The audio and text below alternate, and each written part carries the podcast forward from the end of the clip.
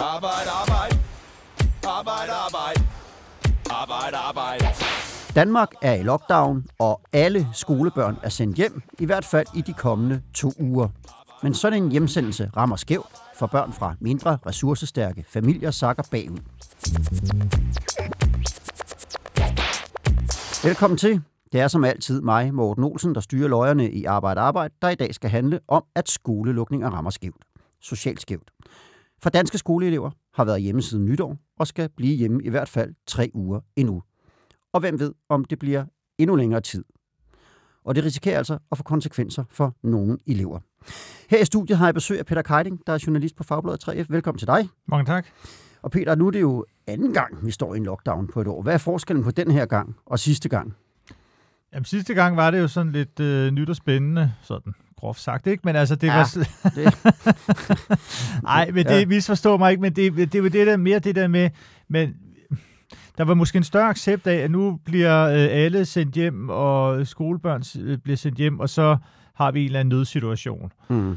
så kan vi ikke forvente, at kvaliteten af undervisningen er den samme, og, og så var der jo også det, det var jo faktisk ikke så lang tid, før skoleeleverne, øh, de kom tilbage igen. Mm. Det var jo sådan en øh, 3-4 uger, der gik.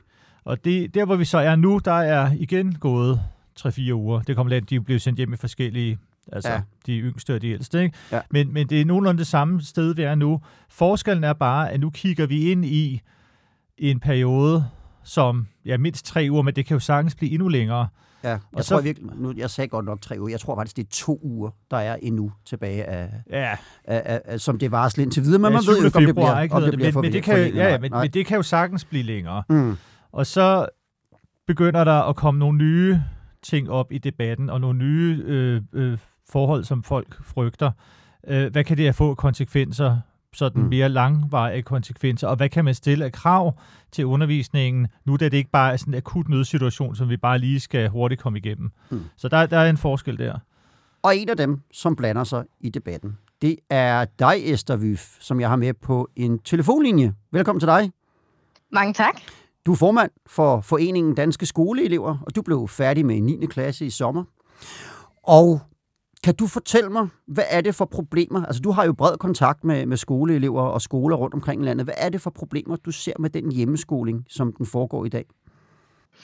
Jamen, øh, der er øh, super mange øh, udfordringer, og øh, for mange til at kunne nævne dem alle sammen nu. Men en af de øh, klart største udfordringer, der er, det er manglen på øh, krav til den her nødundervisning. Øh, som der også blev sagt, så er det jo ikke øh, en, en, øh, en hurtig nødsituation, øh, hvor vi skal lukke ned fra den ene dag til den anden. Nu er der noget erfaring, og nu er der nogle, øh, ja, der er nogle gode erfaringer, nogle gode læringer, som vi gjorde os øh, i foråret, og dem skal vi altså gøre brug af. Men, øh, men der er ikke rigtig øh, blevet lavet flere krav til undervisningen. For eksempel, at man skal møde sin øh, lærer øh, hver dag, eller at man skal have social kontakt med ens elever i form af virtuelle frikvarterer, for eksempel. Vi ser stadig øh, øh, nogle steder, hvor der faktisk er elever, som ikke øh, møder deres øh, lærer. Og en af de største problemer ved det, det er også, at øh, der ikke er noget systematisk viden om, om det er øh, 5% af eleverne, som ikke møder deres lærer hver dag, eller om det er 20%. Så, så vi står faktisk i en øh, ret alvorlig situation lige nu med nogle elever, som, øh, som føler sig ensomme og usynlige derhjemme. Og jeg vil gerne lige stoppe dig her, fordi at mm. En, øh, der er jo nu, der findes ikke noget systematisk viden om, øh, øh, altså hvor, hvor, hvor, hvor, hvor, som du selv siger, hvordan, hvordan undervisningen foregår. Men der er nogen, der har undersøgt konsekvenserne af det her. Og en af dem, det er Mm. Karen Vistoft, der er professor ved Institut for Pædagogik og Uddannelse ved Aarhus Universitet. Og i foråret, der lavede hun sammen med nogle kollegaer en undersøgelse om hjemmeskoling. Og den viste, at dem, der i forvejen har svært ved skolen, de får det endnu sværere i hjemmeskolen. Vi har altid kunne se ulighed i skolen, social ulighed i skolen, også hvad angår øh, præstationer og trivsel osv. Men den sociale ulighed, den forstærkes under coronaen. Lad os sige, at forældre har manglende ressourcer til at støtte eleverne i hjemmeskolen. Det kan være, fordi de er frontarbejdere og selv er ude at arbejde i, nu ser jeg felten, øh, fulltime hver dag. Det kan være, fordi de ikke fagligt føler sig øh, stærke nok til at hjælpe eleverne, men det kan også være, fordi de simpelthen øh, bor øh, i øh, lejligheder med manglende plads til, at eleverne selvstændigt kan gå i skole. Måske mange børn i et rum, der går i skole sammen. De børn, de havde det svært, og det har de faktisk stadigvæk. Og de mangler skolen, øh, de mangler lærerne, eller andre voksne, for eksempel klassepædagoger, til at støtte dem i at være øh, i skolen og lære i skolen. Ja, Esther Vyf, den skævhed, som Karen Vistoft taler om her, er det også den, øh, at øh, I oplever i danske skoleelever? Der er da helt sikkert en, en social øh, skævhed, når det, er, det kommer til øh, online undervisning. Heldigvis så er det så sådan, at i den her omgang kan eleverne altså komme til nødundervisning på skolen, hvis de er i en øh, udsat situation, eller mor og far øh, arbejder hele dagen. Så, så heldigvis er der noget, der er lært af sidste øh, lockdown eller, øh, eller fjernundervisning. Men jo, der er klart de elever, som altså ikke øh, bliver øh, opdaget af, af deres øh, lærer, de sidder altså derhjemme helt alene, og det er problematisk. Mm, så, så du siger, der er gjort noget ved problemet, men det er, men det er ikke løst. Nej, for jeg kan godt forstå, hvis man synes, det er svært som lærer at vurdere, hvilke elever, der er, der er nødsaget til at, at komme ind på skolen, og hvilke elever, der godt kan blive hjemme. Det kan jeg sådan set godt forstå. Mm. Jeg kan sige, at Karen Vistofts undersøgelse her, den har de fortsat i, i denne her lockdown, og de siger, at problemet, det viser sådan set, at problemet stadigvæk er der. Mm. Øhm, og, og nogle af de folk, hun taler om her, Peter Keiding, det er jo altså dem, som har arbejder benhårdt og har arbejdet benhårdt under coronaen. Det er jo nogle af dem, vi har stået og talt om her, som er socioassistenter, som har været ude som håndværkere, som sidder som kassedamer og buschauffører osv. Så, videre, ikke? så der er jo meget 3F's øh, medlemmer, ja. som, som, ja. som vi godt kan relatere det her en smule til. Jamen, det er rigtigt, det er det, og det er... Altså, noget af det, der kendetegner den gruppe, er jo, mange af dem er jo faktisk ikke sendt hjem, altså fordi de, øh, de kan ikke bare arbejde hjemmefra. Så de skal finde nogle løsninger på anden vis. Og så er der også det, der kan være udfordring, er, at øh, det kan måske være svært at lave hjemmeundervisning, hvis man selv har en, øh, en kort uddannelse, eller måske er ordblind. Øh, og så er man må, måske vant til at få noget hjælp i skolen, noget lektiehjælp eller andet, som man så heller ikke kan få. Så, så der er en, nogle særlige udfordringer, som kan være med til at øge den her ulighed. Ja, jeg kan ja. sige som en lille indskud, jeg, jeg øh, er uddannet journalist, og gav, jeg måtte opgive en af mine øh, datters øh, dansk opgaver i går. Hun går i første klasse. Ja, men Bare det, for at sige, at man ja. kan møde udfordringer. Ja, men det er ja. også erfaring med. Og, det, og det, det ved jeg godt, alle, men, men, men der er så en, en ja, social slagside i det, ikke? selvom ja. alle selvfølgelig kan, kan opleve de her udfordringer. Ja, ja. Øh, men, men tingene lige nu, de er jo også lidt som de er. Så jeg spurgte Karen Vistoft om, hvad kan man gøre ved det i den nuværende situation? Og det svarede hun sådan her til. Det her det er ikke et øh, forældreopråb. Det er et opråb til politikere, kommuner, til skoler, skoleledelser, til lærere om at sørge for at møde for eleverne hver dag, hvis ikke de kan gøre det fysisk, så digitalt, interessere sig seriøst for, hvordan de har det, og sørge for, at de får den støtte og opbakning, der skal til, både for at trives, men også for at følge med i øh, det faglige. Det jeg taler om, det er ekstra ressourcer ind øh, og hjælpe dem igennem den her periode, og det gøres ikke bare ved at stille større krav til forældrene. Forældrene kan sådan set ikke, øh, de kan ikke rumme mere. De er så presset i forvejen, og de kan jo selv se, at det går ud over deres børn, og det i sig selv er et kæmpe pres. Ja, Esther Vyf, øh, Karen Vistoff siger her, at, at ekstra ressourcer og, og en lidt større indsats øh, fra, fra skolen er, er det, der skal til. Hvad er jeres holdning til det øh, inden hos danske skoleelever? Hvordan kan man gøre det bedre, det her? Jamen det kan man jo ved at stille nogle ret øh, simple krav til den her nødundervisning. Øh, og som, som Karen også siger, altså stille krav til, at øh, lærerne interesserer sig for elevernes øh, mentale sundhed. Stille krav til, at lærerne mødes med deres elever øh, online. For det er der rigtig mange, der ikke gør øh, lige nu. Så, så, øh, så stille, nogle, stille nogle krav til skolerne helt nationalt. For så kan det godt være, at der er nogle lærere, som faktisk er, er rigtig, rigtig dygtige til at varetage den her undervisning. Men vi bliver nødt til at tage de elever i hånden, som ikke har den lærer, som tjekker ind med dem hver dag, som ikke har den lærer, som laver kreative og innovative opgaver, og som ikke har den lærer, som interesserer sig for, hvordan de egentlig går og har det hjemme.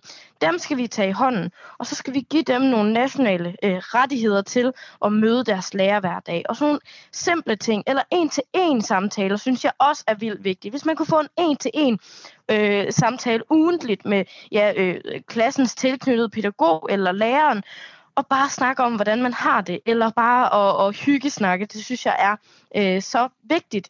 For elev, øh, elev-lærer-relationen er bare øh, en af de vigtigste relationer, vi har i, øh, i vores øh, unge øh, barndomsliv. Mm. Og Peter, du står her og tripper jamen, for jamen, det er, ja. fordi det øh, vil jeg bare lige gribe fat i, fordi da, da jeg øh, præsenterede faktisk øh, Socialdemokraternes uddannelsesordfører Jens Jol for det, det her øh, ønske fra danske skoleelever om mm. øh, nogle, nogle rettigheder. Øhm, og, og, og han siger jo, at øh, han, han anerkender, at der er en risiko for øget ulighed og skævhed og negative konsekvenser af hjemmeundervisning. Men det her med, at han siger, at man skal ikke have sådan nogle rigide centrale proceskrav, som han kalder det, øhm, det mener han ikke løser det, øh, og øh, så, så han altså er enig i sådan, at man skal modvirke, eller prøve at sikre, at, altså han som siger, at, at øh, lærerne de skal snor alle eleverne, men han vil ikke gøre det, han vil ikke lave nogle rettigheder i stil med, hvad man har i folkeskoleloven for eksempel, som jo er suspenderet, når der er, er øh, hjemmeundervisning. Mm. Så det var hans det, svar på det. Ja, hvad, hvad tænker du om det, Esther Vyf? Øh, hvad det, altså, kunne, kunne du godt få tænkt dig sådan en, en, en ensretning fra politisk hold?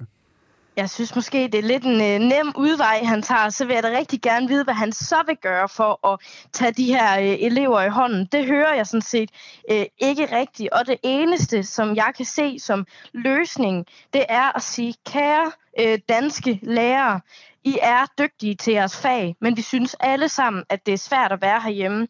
Men I bliver nødt til og mødes med jeres elever, snakke med dem om, hvordan de har det, og opfordre og facilitere gruppearbejde og sociale øh, video-sammenkomster, øh, fordi ellers så øh, falder jeres øh, elever ned i et øh, hul, der er svært at komme op af, og når de vender tilbage, så er de sårbare, og de kan faktisk nogle af dem kan faktisk have været blevet helt det, man betegner som udsatte øh, og sårbare unge, og det synes øh, vi ikke, at vi kan byde dem. Derfor så stiller vi de her krav til nødundervisning. Jeg ser det egentlig som den eneste løsning, løsning. men jeg vil rigtig gerne høre, øh, kære øh, Jens, om, øh, hvad, hvad hans løsning så er. For det er bestemt også åben for, hvis de har øh, den helt rigtige løsning. Mm. Når I kigger på sådan øh, spektret af folkeskoler i Danmark, så går jeg ud fra, at der er rigtig, rigtig mange forskellige måder at løse det her på. Men kan, kan du prøve at beskrive øh, altså, den her øh, lærer elevkontakt, som er så væsentlig, hvor, altså, hvor, hvor, hvor, hvor, hvor stor er forskellen på dem, der gør det rigtig godt, og dem, som måske gør det knap så godt? Jeg tror på, at forskellen er, at de elever, som sidder derhjemme på børneværelset og, øh, og ser frem til at komme tilbage i skole, hvis de møder deres lærer og deres klassekammerater og får en snak og et grin øh, hver dag, så føler de sig ikke længere usynlige, og de føler sig ikke længere som om, at der ikke er nogen, der savner dem eller er ensomme. Øh, og det synes jeg faktisk er rigtig vigtigt. Men den største problemstilling, det er altså, at der ikke er nogen, der ved, hvor mange elever, der sidder derhjemme og er usynlige. Det kan være 1% af eleverne, og det kan være 10. Der er simpelthen ingen, der ved det, og det er en af de største udfordringer, vi har. At, øh, at, at øh, vi ved simpelthen ikke, hvordan undervisningen står til ude i klasserne. Øh, så jeg bliver nødt til at repræsentere, når jeg hører fra nogle af mine bestyrelsesmedlemmer, der møder deres lærer om mandagen, og så møder de dem om fredagen. Så bliver jeg nødt til at repræsentere det synspunkt, for der er der faktisk ikke nogen, der ved, hvor mange der oplever det. Mm. Hvad, kan man, hvad kan man gøre som, som øh, forældre til de her elever. Hvis, hvis man sidder derhjemme og tænker, det her, det er godt nok svært, fordi øh, jeg har en søn eller datter, der går i 8. klasse, jeg er selv ordblind, øh, eller jeg er på arbejde og væk øh, 10 timer om dagen, fordi nogen skal jo holde samfundet i gang. Mm. Jeg synes, det er meget frustrerende det her. Hvad i alverden skal... Hvad, hvad skal man som forældre gøre, hvis man sidder med de frustrationer derhjemme? Jeg synes, når, hvis man, især hvis man er forældre til den øh, ældre del af elevgruppen, altså dem, som har egne devices, dem, som kan arbejde selvstændigt meget af tiden, og dem, som øh, godt kan logge på Teams øh, selv. Jeg synes faktisk, at man som forældre er i sin gode ret til at skrive til læreren og sige, øh, ved du hvad, kan I ikke bare tjekke ind to gange om dagen? Fordi jeg synes faktisk, det er svært at hjælpe mit, øh, mit, øh, mit barn med, med sine opgaver, og jeg synes faktisk, de fortjener at, øh, at møde deres lærere og deres elever. Fordi så har man taget kontakt, og man har taget ansvar for sine børns læring som forældre. Forældrene skal ikke sidde og undervise deres børn, men de skal tage ansvar for, at deres børn øh, møder op i skolen. Og hvis det ansvar betyder at tage fat i læreren og opfordre til, at man altså mødes på Teams eller Zoom eller hvad det nu er, så er det øh, også vigtigt, at man tager, øh, tager det ansvar, fordi det kan hjælpe rigtig, rigtig mange andre elever i klassen også. Mm. Så det vil jeg klart øh, opfordre de frustrerede forældre, der, øh, der kan sidde derude. Det vil jeg opfordre dem til at gøre. Har, har I erfaringer med, at der er nogen, der har gjort det? Jeg har aldrig hørt om det, men jeg håber da på, at hvis, at, øh, hvis, øh, altså, hvis jeg var lærer, og jeg blev kontaktet, nu har jeg ikke særlig meget erfaring med at være folkeskolelærer, øh, men, hvis, men, men, men hvis jeg var øh, lærer, og jeg blev kontaktet af en, af en frustreret forælder, som synes, det var svært at få det til at hænge sammen derhjemme, så vil jeg da klart øh, begynde at mødes med mine elever, for, for eleverne skal have det godt, og hvis man bliver kontaktet af en forælder med, et elev, med en elev, som ikke har det godt, så skal man gøre noget ved det, for det er et ansvar, man har som lærer. Mm. Et problem, der jo også er for mange af, af de her elever, det er, at de skal op til en eksamen øh, til sommer, og have et eksamensbevis, som måske kommer til at betyde noget øh, for deres øh, fremtid. Og jeg ved, Peter, der er forskellige forslag fremme om, hvad, om, om man kan gøre et eller andet, også fra centralt hold, for at hjælpe dem. Altså, hvad, hvad, hvad kunne det Jamen, være der, der er det, altså her den sidste sådan uges tid, så er der jo kommet gang i debatten omkring de sådan mere langsigtede konsekvenser af det her, det her hjemmeskole, og det handler blandt andet med folkeskolens afgangsprøver.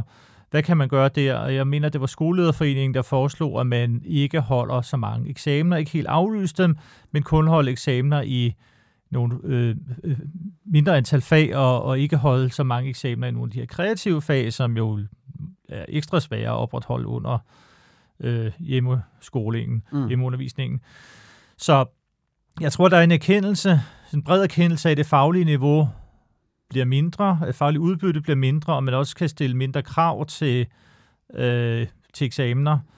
Og der har også, det er jo så i gymnasierne, der har været et, øh, også det her med, at man skal kunne forlænge, altså det her med, at man skal kunne øh, forlænge undervisningen, og så aflyse nogle af eksamenerne, så man jo, der plejer man jo at have noget læseferie og så videre, ikke? for simpelthen at få noget mere tid til undervisning. Så der er en masse af den slags forslag op at vinde i øjeblikket, mm. øh, og det er jo også ud fra en erkendelse af, at det her det er noget mere langvejt, som også kan have nogle, nogle konsekvenser, så sådan, altså hvor man ikke bare lige kan indhente det sådan øh, uden videre igen. Mm. Hvad, hvad, hvad siger du til det, Esther? Du så jo faktisk selv i sommer, sådan, øh, øh midt i, i, i en coronanedlukning, øh, også og, og skulle gå til eksamen. Hvad tænker du ville kunne hjælpe? Ja, altså, jeg fik jo at vide øh, to-tre uger øh, før jeg skulle op til min skriftlige eksamen, at det blev aflyst. Og det vil jeg i hvert fald sige, det var godt nok øh, i sidste øjeblik i forhold til, hvor længe vi har siddet derhjemme. Øh, men jeg synes, at det er meget, meget problematisk, hvis at vi øh, som, som, øh, som folkeskole sender den her øh, 9. klasses coronageneration ud til en eksamen, som de faktisk ikke øh, er klar til. Vi skal tænke over, hvorfor er det egentlig, at øh, vi vil sende eleverne til øh, eksamen. Der er det så, at de kan vise, hvad de har lært de sidste øh, 10 år, og så de kan bevise, at de er øh, klar til en ungdomsuddannelse, eller hvad de nu skal øh, bagefter. Og jeg synes faktisk, at hvis man stiller øh, færre krav som til, øh, til eksamen, som for eksempel øh, forkorte pensum eller øh, fjerne øh, nogle enkelte fag, så synes jeg faktisk, man gør eleverne en bjørnetjeneste. Fordi forventningerne bliver ikke sænket til dem på ungdomsuddannelserne. De skal stadig kunne det samme i engelsk, og de skal stadig kunne det samme i tysk, også selvom de ikke har været til eksamen i det. Så jeg er af den klare overbevisning, at det vil være allermest hensigtsmæssigt for eleverne, hvis vi aflyste alle eksamener, og, og derved også fratog øh, lærerne det pres for at forberede noget ja, eksamensforberedende undervisning, så sig, kære lærere, glem den der eksamen. Nu skal I bare fokusere på at lave nogle ret intensive undervisningsforløb i de sidste måneder, øh, så når eleverne kan vende tilbage til den fysiske skole, så kan de bare gå i gang med alt det tabte, og så til sommer, når, at, øh, når, at, øh, når at, øh, de er færdige med folkeskolen, så kan de så gå videre til en, øh, en ungdomsuddannelse, fordi så har de nemlig fået alt den viden, de tabte. Jeg synes bestemt ikke, man skal til eksamen. Du, du foreslår simpelthen, altså, de skal nå igennem hele pensum, men drop de der eksamener. Sørg for, at de Ja. lærer det, de skal, men drop karakterræset. Sidste år, sidste år der, øh, der aflyste man eksamenerne efter, at 9. klasses eleverne havde, været, havde haft øh, fjernundervisning i øh, fire uger. Jeg synes lige, vi skal tælle op på, hvor meget fjernundervisning, som de 9. klasser, der er lige nu, har fået. For de fik også fjernundervisning i, øh, i 8. klasse, som jo også er en del af pensum. Så de har faktisk fået så meget mere fjernundervisning. Derfor giver det kun mening også at aflyse eksamenerne i år. Og med den øh, meget klare opfordring, der skal vi til at runde af. Jeg vil gerne sige tusind tak, Esther, fordi du var med på en telefon. Tak fordi jeg måtte være med. Og tusind tak til dig, Peter Keiding, ja. for med her i studiet. Selv tak. Og til alle jer, der lyttede med. Ha' det godt, til vi høres ved igen. Arbejde, arbejde. Arbejde, arbejde. Arbejde, arbejde. Arbejde, arbejde. Arbejde, arbejde. Arbejde, arbejde. Arbejde, arbejde.